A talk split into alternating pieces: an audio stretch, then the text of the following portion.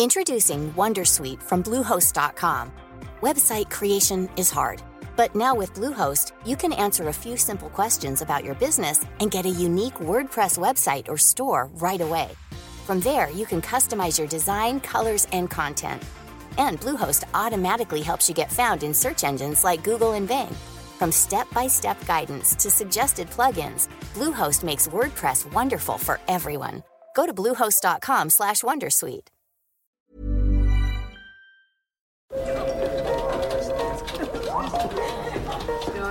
Dette er lyden av norsk næringsliv. Akkurat nå tas det små og store valg som kan bli avgjørende for fremtiden. Med økonomisystemet X-Leger tas disse beslutningene basert på informasjon i sanntid, slik at drømmer og ambisjoner kan bli virkelighet. Få kontroll og oversikt, gå inn på xledger.no.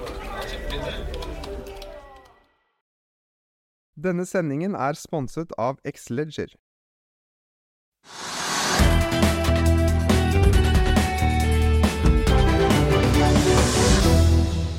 Velkommen til Økonominyhetene torsdag 1.9.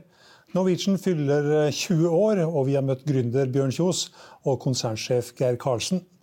Olje- og energimessen i Stavanger fortsetter, og vi har et par nyheter fra der i dag også. Det blir også teknisk analyse av Norwegian. Det er ikke så lenge siden vi hadde det sist, men det har skjedd nye ting i dag som gjør at det kan være greit med en oppdatering. Men, eh, og aller først litt oppdatering på markedene. Brentoljen den faller videre 0,7 til 94 dollar 23 cent eh, per fat og er dermed ned 11 dollar fra tirsdagens høyeste. Oljeaksjen også faller videre, ikke så mye som i går og dagen før, men Equinor er ned 0,4% og Aker BP er ned 0,3 Det er også ned rundt 1 børs, på børsene i Paris, Frankfurt, Milano og Madrid. Og størst er nedgangen i London med 1,2% Og her på Oslo Børs så er hovedindeksen ned 1% til 1235. Det, de tre toneangivende indeksene på børsene i New York i går falt 0,6 til 0,9% Futures nå tyder på at Dow Jones SMP 500 og Nasdaq vil åpne ned 0,3 til 0,6% På vinnerlisten kan vi ta med at Sidril ligger øverst med en oppgang på 7,9% og det har vi vel en forklaring på også, Trygve? Ja, fordi at altså, Sidril har vært et katastrofalt uh, case, tilfelle. Og det, selskapet har vært gjennom to Chapter 11-perioder. Det er mye. Og de har fått inn uh, Jon Fredriksen har kontrollert selskapet. Han reddet selskapet i andre Chapter 11-periode. Og så har det surret så godt. Og nå fikk man meldinger om at de tjente egentlig penger på driften. Det var ganske bra. Og så kom det også meldinger om da, og det hadde de på hånden, så hadde de da solgt da seks av syv rigger eller sånn nå, eh, for 7 milliarder kroner. Så det var nesten 1 milliard per rigg. Det var veldig bra. Og markedet syntes at det var veldig gøy å sendte aksjene opp rundt ja, 7-8-10 men det vi må huske på, det er en lang negativ forhistorie. Og de gamle aksjonærene i selskapet de som holdt ut i årevis, som måtte gjennom to, to konkurser, de sitter jo bare igjen med selskapet med 2% eller 1,5% eller 3 slik at Det har vært en katastrofe. Alt forgjeldet under, under Trøim i sin tid, under Jon Fredriksen. Og nå ser det ut som det er litt liv i det, med salg av, av riggene og med da noen nye kontrakter på driftssiden. Mm. Og så har de fått litt hjelp av oljeprisen i periode, men kanskje ikke akkurat nå? Nei, ikke akkurat nå, men de har fått litt hjelp. Men, men det fundamentale er det at man har hatt en vanvittig dårlig periode i mange år. og liksom Mange ga det opp, og så er de rike satt igjen. og så når man da gjør opp hele boet, som da liksom disse domstolene i USA gjennomfører så, så de, og de har sagt at de gamle aksjonærene de, de, måtte regne på det, hva de fikk igjen. De som ble sittende hele tiden, de sitter igjen med 2% av selskapet. Så det har vært en katastrofe innen olje og ri. Ja, ellers er det mye smått på vinnerlisten. Vi kan ta med at av de 15 mest omsatte aksjene på Oslo Børs, så er det seks som er opp. Eh, vi kan ta med at Hydro er ned 4,7% og det også er vel en forklaring på? Ja, det er en god forklaring på. For det er, det er hele det sentimentet som er feil for tiden. Altså Man regner med at det skal strammes inn i så mange land. I Norge, lille, lille rike Norge så snakker jo da finansministeren hele tiden om at må vi dempe aktiviteten med å få ned inflasjonen, slik at renten ikke stiger for mye. Resten av Europa sier jo det samme. Og De sier det samme i USA. slik at liksom, Nå tror alle, faktisk, altså ni av ti gode analytikere og investorer tenker nå at dette verden blir litt vanskeligere. Eh, det, om det blir resesjon, altså negativ vekst to kvartal på rad, det vet man ikke. Men hvis det blir vekst, så er den veldig lav. Eh, og hvis veksten blir veldig lav, så lammer man på en måte hele den grunnleggende økonomien i alle land. Og da trenger man færre metaller, mindre aluminium og den type ting. Og da tenker investorene at da må vi komme oss ut av de selskapene som da på en måte lever av å selge aluminium som Hydro. Ja. Og eh, den er ned til 5% er ned en sånn nå. Ja. 4,7 til 65 kroner og 28 øre. Um, PGS den er opp 2,7 uh, Ellers så er DNB var litt opp i går. Nå faller den 2,6 i dag. Uh, Nordic Semiconductor, IT-tech-aksjen, faller faktisk hele 6% Den hadde en liten oppgang i går, men den korrigerer da videre ned i dag. Ellers Movi opp 1,5% og Golden Ocean opp 2,3 på um, taperlisten så har vi også mye smått, men uh, her finner vi Norwegian ned 9 til 7 kroner og 70 øre. Ja, altså Norwegian er jo et spesielt case. Men jeg tror det var, eh, om det ikke var DNB Markets det som kom da med en analyse og anbefalte salg for, Nordea, tror jeg faktisk. Var det Nordea som kom? Hans Erik Jacobsen. På rundt 7 kroner eller sånn nå. Mm. Jeg, jeg, har ikke sett den analysen, jeg vet ikke hva det går om, men, altså, men jeg syns at flyselskapene er utsatt hele tiden. For det første er konkurransen knallhard flykostnadene, drivstoffkostnadene, går rett opp. ikke sant? Det streikes over en lav sko. I Lufthansa var det nå streik, en pilotstreik. og og, og Norwegian de hadde jo et tap. altså Da det kom med siste kvartal, så var det et kjempetap. Jeg lurer på om det var en milliard eller sånn, jeg husker ikke helt sikkert, men det var i hvert fall et kjempetap. Så, det så ut som det var et milliardoverskudd, men Det var tap. Det var tap. så, så, så, ja, så jeg, altså Flyaksjer ville jeg ikke rørt. altså Ikke Flyr og ikke Norwegian, og i hvert fall ikke SAS. Eh, jeg, jeg, vet ikke akkurat hva som nå medførte at det nå liksom anbefalt salg, men det er helt umulig å være der, og kostnadene er helt umulig å kontrollere. Og, eh, og da blir spørsmålet liksom, skal være i fly. Og er det noen sjanse for at, liksom, du kommer langt ned i en sånn bunnkurs på kursen, og så går det alt rett opp? Det, jeg vet ikke. Hva, du har lest analysen, kanskje? Eh, nei, ikke noe, annet, ikke noe, annet, enn at Hans Erik Jacobsen var i Nordea. Han, er han var fan en, tidligere? Ja, han er en av, jeg tror han var den eneste nå som er ute med salgsanbefaling. De andre ja. analytikerne ligger stort sett inne med kursmål på 12-15 kroner. Ja. Og nå er han da på 7,70, var det vi så? 7,60 eller noe, ja. ja. Nei, men det skal man ikke være. Det betyr, betyr, det betyr, ikke at man ikke kan gjøre noe penger en dag eller to eller tredje eller gjøre et eller annet småtterier. Men fundamentalt å legge sparepengene eller liksom legge inn det, det man har i det, det skal man ikke gjøre. Det. Så har vi Flyselskapene har vi lagt for, bak seg også den beste perioden i året. Nå går vi inn i en litt mørkere og litt tyngre periode med vinter og sånn, og da er vel ikke trafikken ja, Sommeren er slutt, ja. ja. Sommeren er slutt. Ja, ikke helt her ennå. Men... Vi har ikke tjent penger nok nå, så kommer de kommer ikke til å tjene vinter heller. Det er noe i det. Mm. Og så er det at man vet, man vet jo heller ikke hvilken løsning man får for SAS. Man vet jo hva som skjer der. Liksom skal den svenske stat inn, eller danske stat inn? Skal den danske stat overta selskapet fordi de skal da ha trafikken ut fra Kastrup? Det er masse man ikke vet om det er. Og så er det, må man ikke undervurdere, men altså Hvis jeg, hvis jeg ikke husker helt feil, så tror jeg det at liksom, drivstoffkostnadene utgjør 50% av driftskostnadene. Mm. Og de går jo bare rett opp, er jo rett opp, så det er krise. Um. Er det noe mer vi kan gå innom her, tro? Men, men, det som er litt viktigst akkurat nå, utenom de enkelte aksjene, det er det at liksom, skal man tro på at markedet nå snur altså, du, Fire dager på rad så har det amerikanske markedet gått litt ned. Mye til å begynne med, 3-4% og så har det liksom vært mindre fall. Kanskje bare på en halv prosent eller 1% Og så er det europeiske børsen, som, som, du var inne på, de er også ned. Og så har Oslo Børs liksom seget nedover. Så alt siger nedover. Og det er fordi at etter den talen til sentralbanksjefen, Powell, så vet alle det skal strammes inn noe helt jævlig. Og, det, og mye mer enn man trodde tidligere. Liksom, det skal bli trippeløkninger. Skal, han skal ha da, skal ha da liksom prisveksten i, i, Amerika ned på 2% eller 3% eller sånn nå. Han skal ha styringsrenten ned på 2 ja, altså det, det, er et så hardt løp at det skjønner alle at det vil medføre store liksom, begrensninger på økonomien i Europa og, og, i USA. Og da faller børsene. Mm, og så så vi det, har vi også sett det nå at uh, tiårsrenten i USA den var jo på vei litt ned, men så er det pang rett opp igjen. Og nå begynner den å nærme seg de høyeste nivåene fra tidligere i år. Ja. Og, ja, nettopp. Så alt det, alt, det, du ser på, den tiåringen ser man på. ikke sant? Og så ser man da liksom på, på øh, fundamentale forhold i de enkelte landene. ikke sant? Og liksom, så tenker man at alt skal skrus litt ned. Aktiviteten skal litt ned overalt. Og, da, og, for, og Noen er jo ser veldig mørkt på det. Sier at liksom skal inn i en kjempesvær, kjempesvær sort resesjon. Det tror kanskje ikke jeg, men at det blir tilbakeslag overalt. Og da, da skal jo børsene ned. Si at, og liksom, du skal være ganske sterk og ha mye penger på bok for å si at alle tar feil. Jeg begynner å kjøpe aksjer nå. Og, og, og sjef for oljefondet i Norge, Nicolai Tangen, han sa jo det i går i Stavanger Så sa han at liksom, egentlig er dette bra, for liksom, man får alle kursene ned. og Vi skal jo kjøpe billig og selge dyrt. Han går på Handelshøyskolen, han sa. Jeg har lært, lært hva man skal si.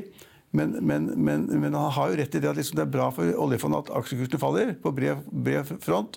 fordi han har jo da 9000 aksjer. Mm. Hvis da snittet av de faller, faller 5-10 eller sånt nå, så kan da oljefondet begynne å kjøpe, slik de gjorde da tidligere under krisen i 2008. Mm. Uh, så, så, vi er, liksom de, Alle som uttaler seg, sier liksom at det, det, går ned. og Det er kanskje fint, for da skal vi kanskje begynne å gå inn i, inn i markedet igjen. Da blir det veldig vanskelig å sitte med hvor mye penger skal du ha. da? for å sitte i Oslo eller Frankfurt eller New York eller London eller hvor, hvor det måtte være, og kjøpe da aksjer som liksom, som faller helt inn, som fallende kniver, det er, det er problematisk. Jeg, jeg, kunne, jeg, ville gjerne sagt at nå tror jeg det går oppover. Stenhofe.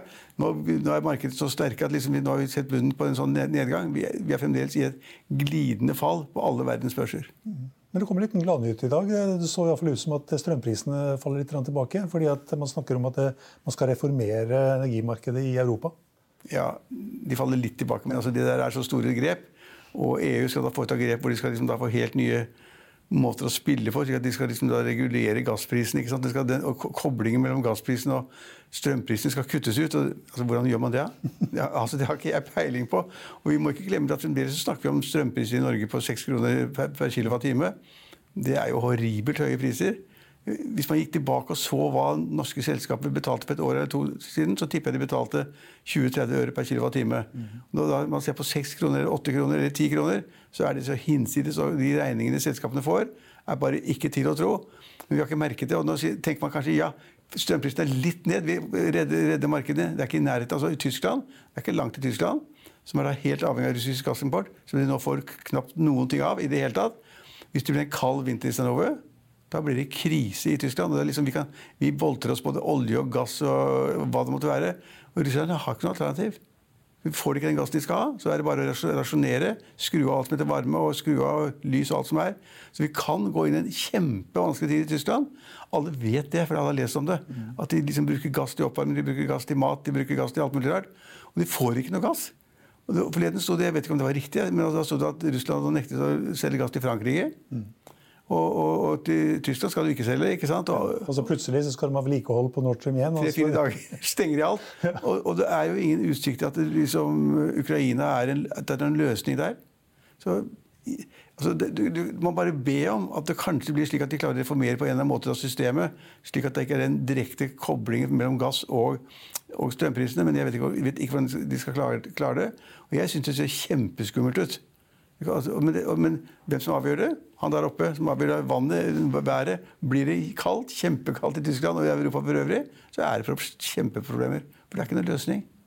Det er ingen løsning. Siden vi er inne på Tyskland, eh, jeg bare satt og så på noe som egentlig var en nyhet for eh, noen dager siden. Statkraft har jo solgt strøm til den tyske statsbanen for jeg tror det er ti år, begynner neste år, til 30 øre per kilowattime. Det kan bli rart å se hvordan de skal klare å få tak i den strømmen. Ja, da må de, kjøpe, kjøpe til under, de må jo kjøpe den til under, da, så de tjener ja. penger på det. Ja.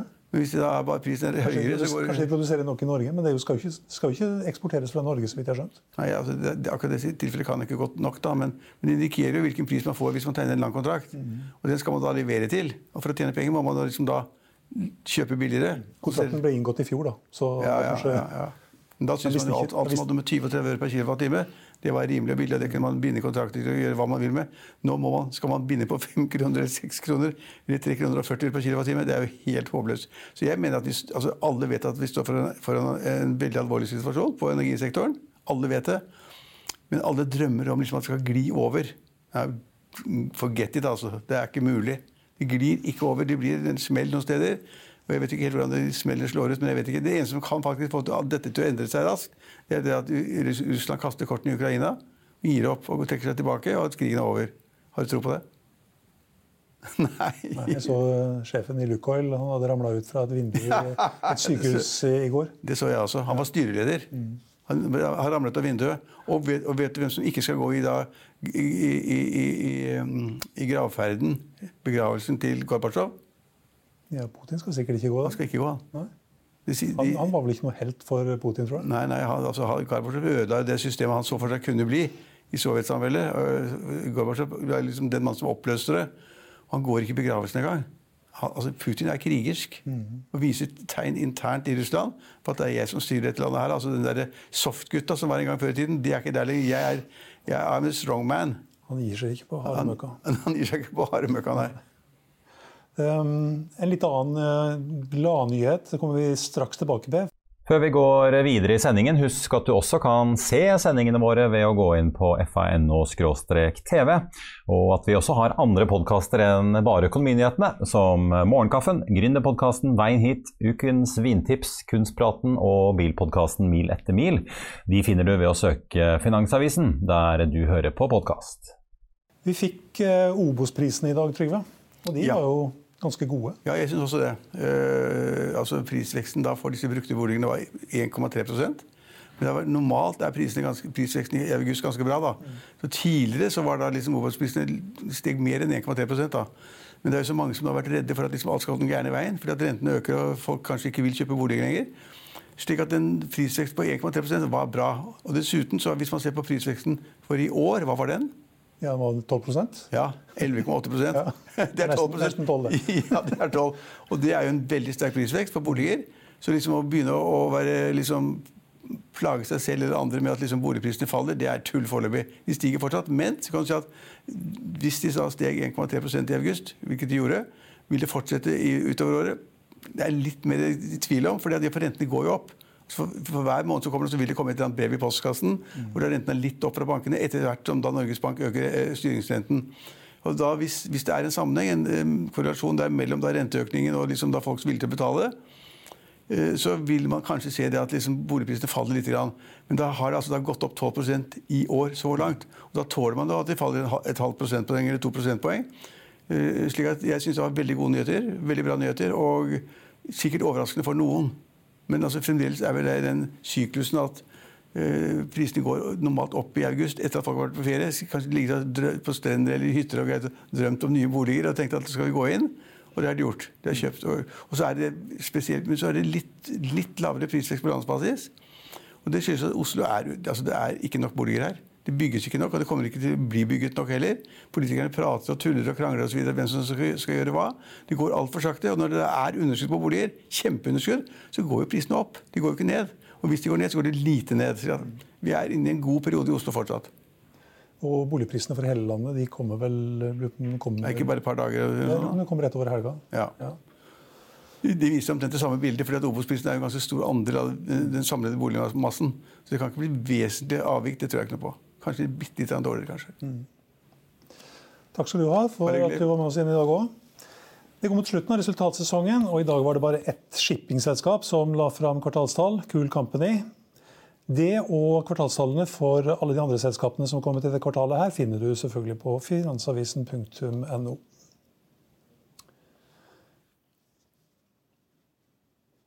Selg Norwegian nå. Det sier Hans Erik Jacobsen i Nordea Markets. Det er torsdag, og dette er aksjetipset.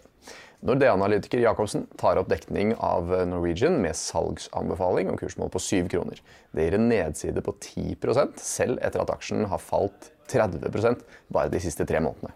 Jacobsen han sier at han er trygg på at Norwegian kan utvikle seg på lang sikt, men at han ser betydelig motvind fra høyere drivstoffpriser, styrking av dollaren og økende inflasjon, som alt kan redusere eh, etterspørselen etter reiser. Jørgen Lian i DNB Markets og Eirik Håvaldsen i Pareto Securities nedjusterer kursmålet på Avance Gass etter kvartalsrapporten på onsdag. Håvaldsen han gjentar kjøp, til tross for at han nedjusterer til 58 kroner. Han skriver at selskapet leverte et godt resultat, men at det vil komme negative endringer på estimatene for andre halvdel av 2022. Pareto-analytikeren han sier videre at eh, Jon Fredriksen, som eier nesten 80% av selskapet, han kan komme til å ta selskapet privat og selge eiendeler i annenhåndsmarkedet. Han forventer imidlertid ikke noe hastverk rundt dette nå. Jørgen Lian han nedjusterer kursmålet sitt til 70 kroner og gjentar også kjøp. og Det gir en oppside på 50% til tross for utsiktene. Ja, Shell satser på vind over hele verden, og nå står Norge for tur også. Fredrik eh, Selius, du er jo leder for forretningsutvikling for havvind eh, i Shell for region eh, Norden. og har jo Shell holdt på med vindkraft siden år 2000 og jo, har jo en ganske bra installert kapasitet allerede da på 4,3 gigawatt. Men si litt om hva dere egentlig jobber med for å få til nå i Norge og Norden. Jo, det vi ser på nå er jo hvis du tar Norge først, så har vi jo et partnerskap der med Lyse og Eveny, to norske kraftselskap. Hvor vi ønsker å se på muligheten for både å bygge ut Utsira nord og også Sørlige Nordsjø 2. Og det kommer jo nå opp som eh, konkurranse i 2023. Utover det så har vi også uh, en studie uh, i trollisensen, Trollvind, som også kan, kan, bli til noe. det er jo en 1 gigawatt flytende vindpark potensielt. Så den studien den, den starter nå, så får vi se hva det blir til. I tillegg til det så signerte vi også en eh, intensjonsavtale sammen med Copenhagen Infrastructure Partners i eh, Danmark eh, for å se på mulighetene til å sammen der eh, utvikle den danske energiøyen som nå Danmark skal lyse ut om et års tid. Så, så, det er de to konkrete mulighetene, eller de tre konkrete mulighetene som vi, som vi nå jobber. Eh, for de som har sett litt på denne bransjen, så vet vi at Equinor holder på med dette flytende Hywind Tampen-prosjektet sitt og videreutvikler det konseptet. Dere har jo noe som heter Tetra Spar, som også er et flytende konsept som jo ligger og flyter utenfor eh, Stavanger her. Men si litt sånn fra, fra Shell sitt perspektiv, hvorfor er Norden og norsk sokkel interessant? Er det fordi man bare generelt er på jakt etter areal og bygge ut havvind rundt i verden, eller er det noe som gjør at denne delen av verden hvor vi bor eh, også er spesielt interessant? Nei, Det som er veldig interessant med Norge, det er jo at uh, vi har all infrastruktur og kompetanse som skal til for å lykkes spesielt i flytende havvind. Uh, og Der har vi jo mye erfaring fra olje og gass som også kan brukes inn i det markedet.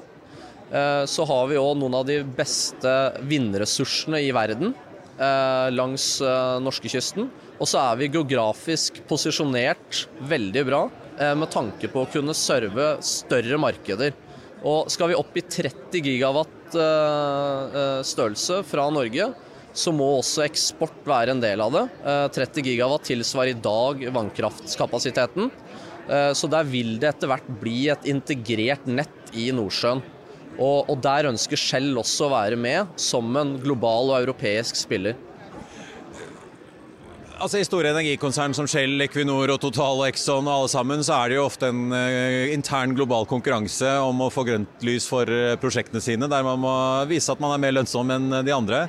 Uh, det vet jo er tilfellet i olje og gass. Hvordan fungerer det på vind? Altså, hva må dere her i Norden levere for at dere får grønt lys til å f.eks. bygge ut da, noe i Utsira nord for Shell globalt?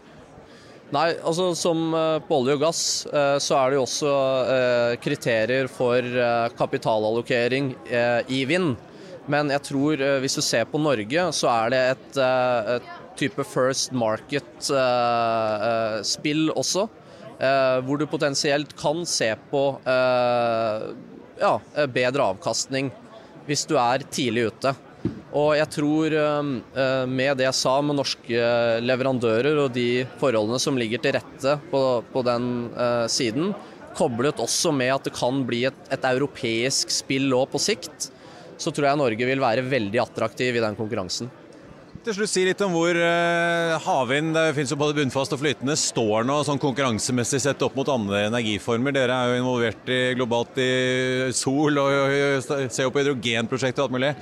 Uh, hvordan ligger egentlig havvind uh, an nå?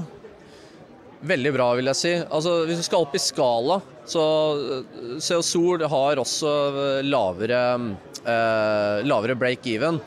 Men skal du opp i skala og virkelig høste de store energiressursene på, på fornybart, så er det offshore vind som, eh, som, gjelder. Så Shell har jo en uttalt ambisjon om å, å markedsføre 560 TWh grønn energi innen 2030. Og eh, hovedmotoren der vil være havvind. Europa skriker etter energi, men hvor mye mer kan egentlig Norge tilby? Kjersti Dale Grov, fungerende direktør for teknologianalyse og sameksistens i Oljedirektoratet. Nå står vi jo på standen deres, som jeg må få lov til å si, veldig kult designet som et klasserom. Så det er jo litt hint her om at kunnskap er viktig. Men apropos kunnskap, det er jo ikke så lenge siden dere kom ut med en ressursrapport for norsk sokkel, som dere jo gjør jevnlig. Men jeg tenkte bare å begynne med å høre. altså Nå har vi jo en alvorlig energikrise i Europa, og vi har hatt denne invasjonen av Ukraina. Har det endret måten dere tenker å jobbe på i direktoratet? Det, har jo egentlig ikke det, fordi at vi har i oppgave å holde oversikt over hva finnes av ressurser på sokkelen, og, og, hva må egentlig til for at vi skal klare å ha mest mulig verdiskaping av fellesressursene våre der til samfunnet. Da. Men det er klart at det at Norge i enda større grad er, er på en måte ettertrakta som en langsiktig og trygg leverandør av olje og gass til Europa, det, det gjør i hvert fall at vi trenger å ha enda bedre kontroll på bokholderiet vårt på en måte, og å se hva kapasitet har eventuelt sokkelen til å kunne bidra mer og lengre. Ser man litt historisk på det, så hadde vi jo en topp rundt eh, tusenårsskiftet på oljeproduksjonen i hvert fall. Eh, nå er det jo veldig mange som lurer, inkludert mange politikere nedover i Europa, som lurer på om Norge hva vi egentlig har å gå på, om vi kan levere mer, nå som de skal eh, forsøke å fri seg fra russisk energiimport. I denne ressursrapporten kan man se noe spor til at Norge faktisk har muligheter til å øke produksjonen utover dagens nivåer, eller handler det egentlig om hvordan vi skal opprettholde dagens nivå?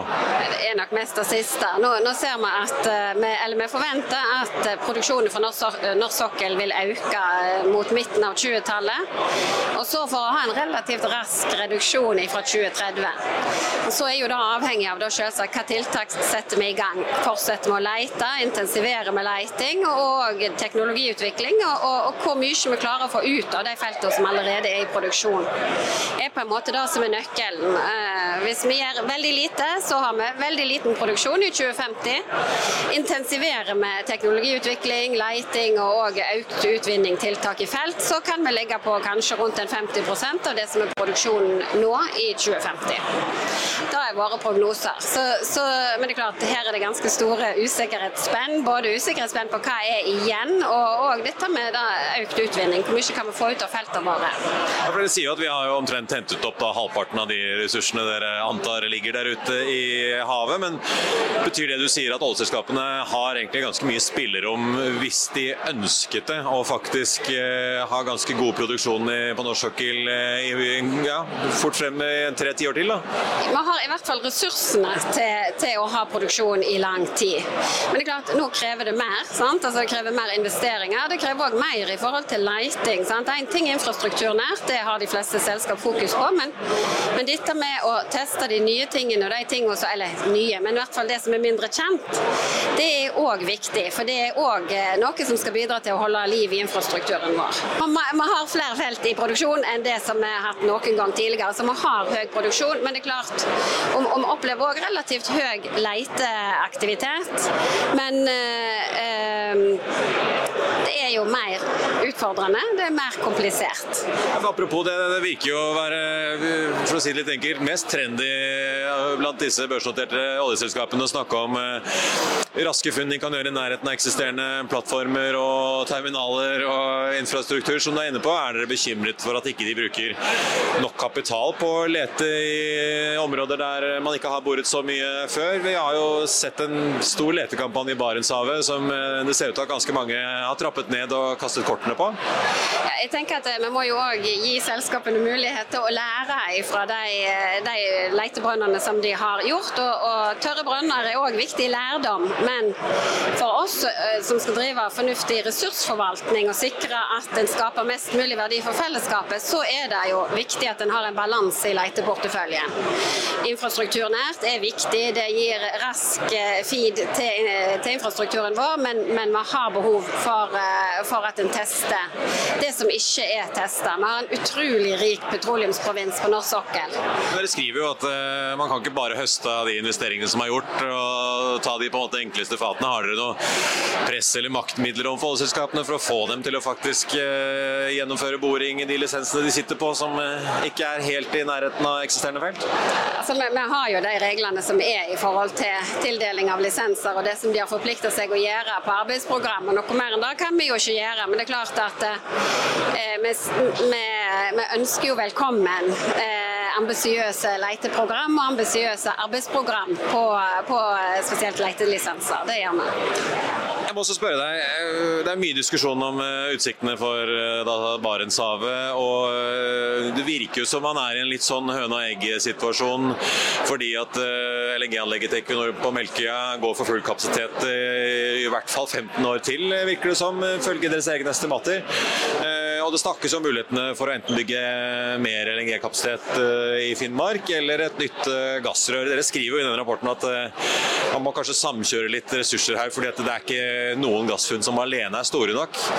Men burde man fra norsk side sanere et sånt rør for å også insentivere mer leting, eller?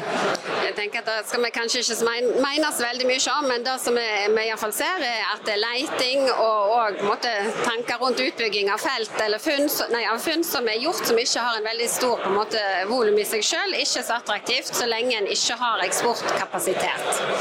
Så, så det med samordning av, av funn eller muligheter, det har vi jo regna litt på. Og, og det da ser jo ut til å ha en mye gunstigere økonomisk attraktivitet.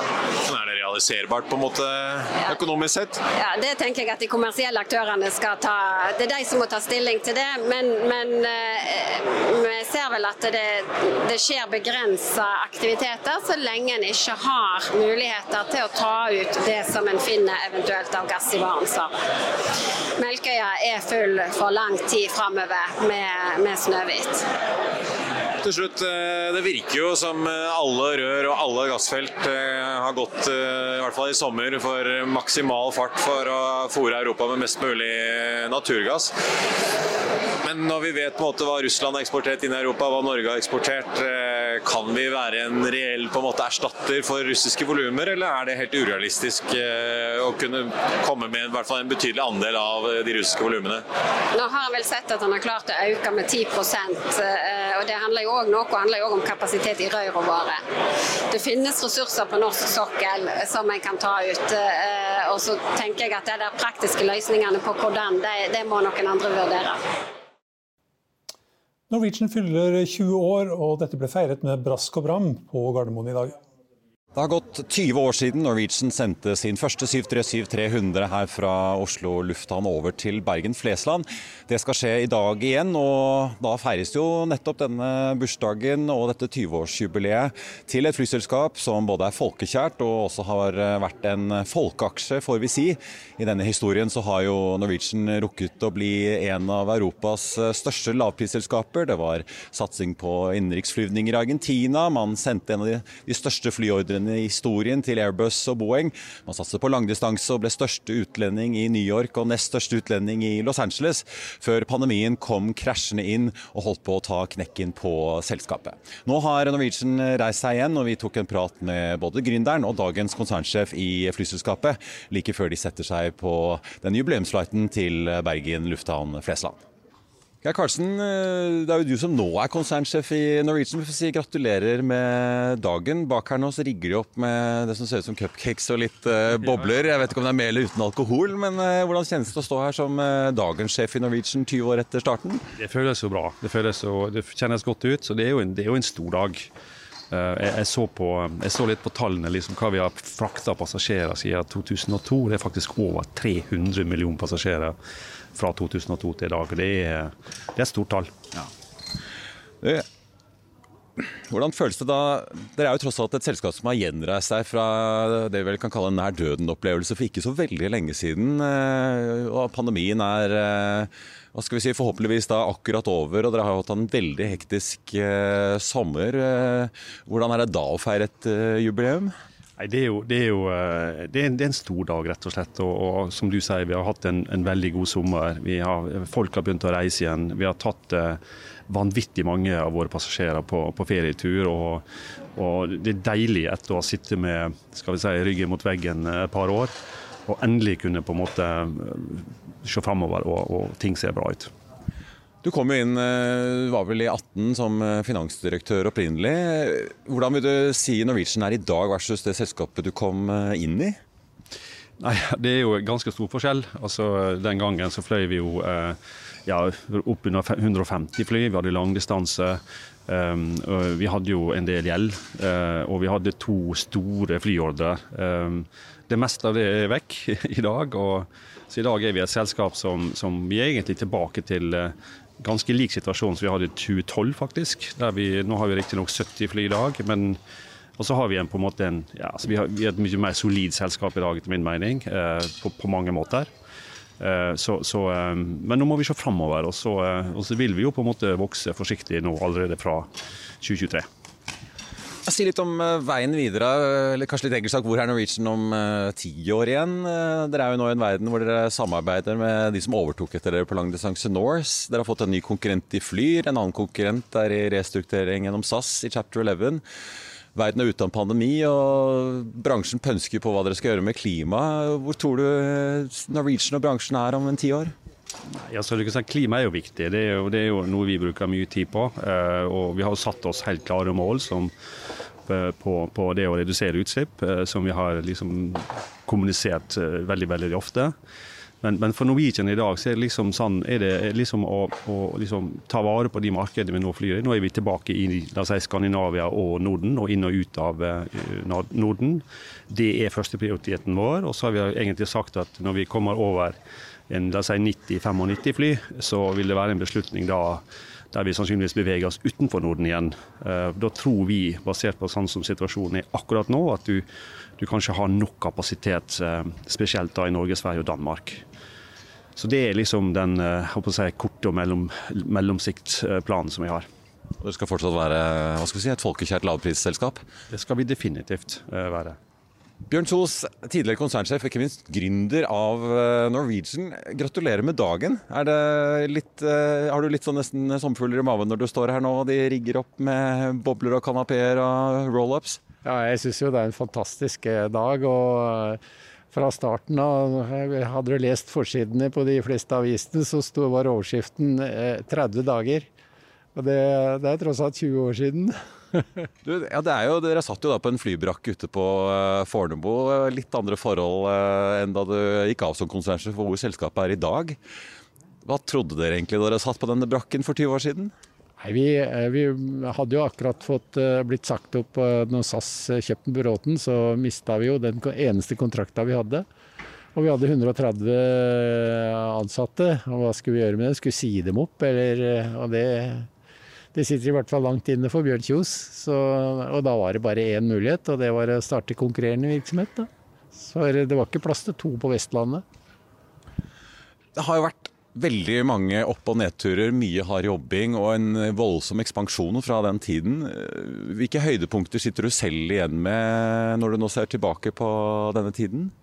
Høydepunktene som jeg kommer kom på især, det er eh, når vi ble, første gang vi ble kåra til eh, verdens beste lavprisselskap. Og det ble vi jo mange år etter, deretter igjen, men eh, det husker det var stort, altså. Du, du var jo en av de store hendelsene som mange fulgte med på, var jo da plutselig eh, spansk-britiske IAG banket på døren og vurderte å kjøpe dere. Tenker du noen gang på hvordan veien ville blitt hvis det endte med et salg til utlandet? Ja, nei, vi ville jo blitt utlendinger, da. Det ville vi jo blitt. På den annen side så det var jo både eh, oppside og nedside med det òg. fordi at eh, oppsiden ville jo være at du ville kommet inn i et, et svært system, og kanskje det systemet ville få skal vi si, kontroll over store deler av Europa. Så det var jo, var jo oppsiden. Nedsiden var jo at det, vi ville ikke være norske lenger, da. Du, du, gikk jo av som konsernsjef, og etter det så kom jo denne pandemien som sendte jo hele bransjen og også Norwegian inn i en nær døden-opplevelse. En hel eh, nasjon føltes det ut som fulgte med på hvordan denne redningsoperasjonen av Norwegian gikk, med da din etterfølger Geir Karlsen i, i spissen og Jakob Skram. Hvordan var det å sitte på utsiden som, som gründer av denne butikken og se på en måte hvor uh, dramatisk det gikk for seg? Nei, Det var klart at uh, jeg tror det var et sjokk for alle når du får 150 fly som ikke får lov å fly et eneste, uh, en eneste plass. Som andre ord alle sitter på bakken. Det, men jeg, jeg, var ganske Var det noen som ville få til å kjøre denne prosessen, så var det Geir. Altså, han, han gjorde en vanvittig bra jobb der. Eh, Jobba 25 timer i døgnet. så, så jeg, jeg, det, det, var jo ikke uten grunn at jeg satte på Geir som NK i, sin, i min tid. Så var, jeg mente jo at Passer 70 skal du ikke drive som konsernsjef i et sånt selskap. Var du redd på en måte for livsverket ditt? At det bare skulle forvitre? Nei, det var jeg var ganske Nei, det var jeg egentlig ikke. Altså, det var bare et spørsmål vil vi komme ut med 50 fly eller 70 fly, eller hvordan vil vi komme ut. Jeg har 150 fly, og folk trenger å fly, så jeg, jeg var ganske sikker på at på en eller annen måte vil vi eh, komme ut av det. Men Geir dro igjennom det, han og hans team dro igjennom det på en fantastisk måte. Fra å være en av de som var mest under press under pandemien, til nå å være den som kanskje er blant de sterkeste med så å si null i gjeld og en restrukturert balanse og da ja, 70 fly i drift og, og ny energi.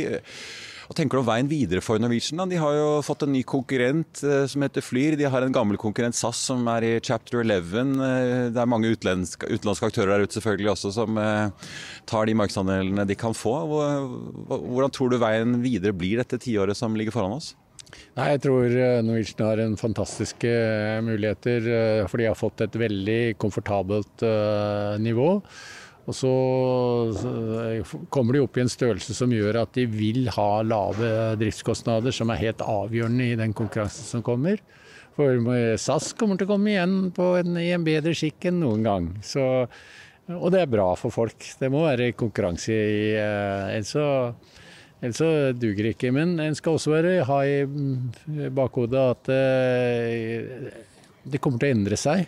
Altså, vi sitter jo på, i styremøter eh, på video i stor utstrekning. Og du flyr ikke lenger til Bergen eller til London for å ta et styremøte. Det, det går på video. Så det kommer til å endre seg mye. Eh, men derimot så er jeg helt sikker på at det som har vært kjernen i Norwegian, nemlig turisttrafikken, den kommer bare til å øke videre. Og konkurransen i bransjen eh, blir like beintøff i årene fremover som den har vært? Ja, det er, det er bra med konkurranse. Skal ha konkurranse. Folk trenger det. Det blir ikke billig å fly hvis det ikke er konkurranse. Ja, Det var det vi hadde i dag. Men før vi runder av, så kan vi ta med at hovedindeksen på Oslo Børs er nede 1,1% til 1234,83 akkurat nå.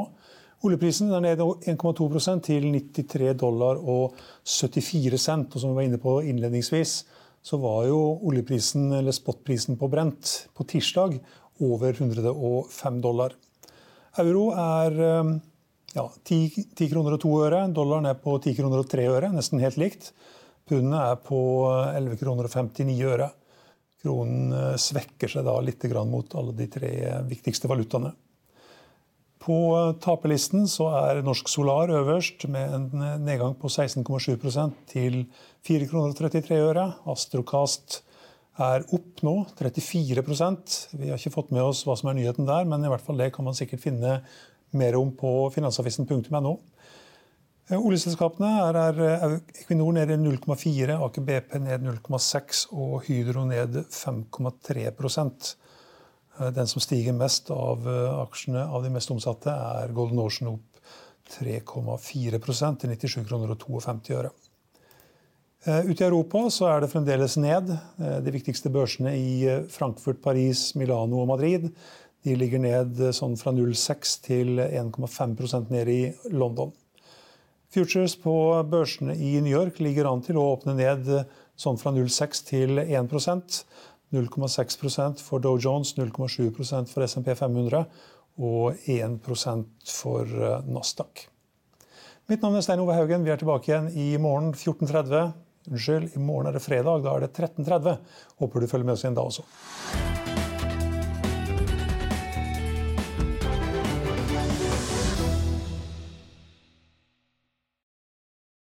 Denne sendingen er sponset av Xleger. Økonominyhetene er en podkast og videoproduksjon fra Finansavisen. Programleder er Marius Lorentzen. Aksjekommentator er Karl Johan Molnes. Produsent er Bashar Johar. Podkast- og videoansvarlig er Marius Mørk Larsen. Og ansvarlig redaktør er Trygve Hegnar.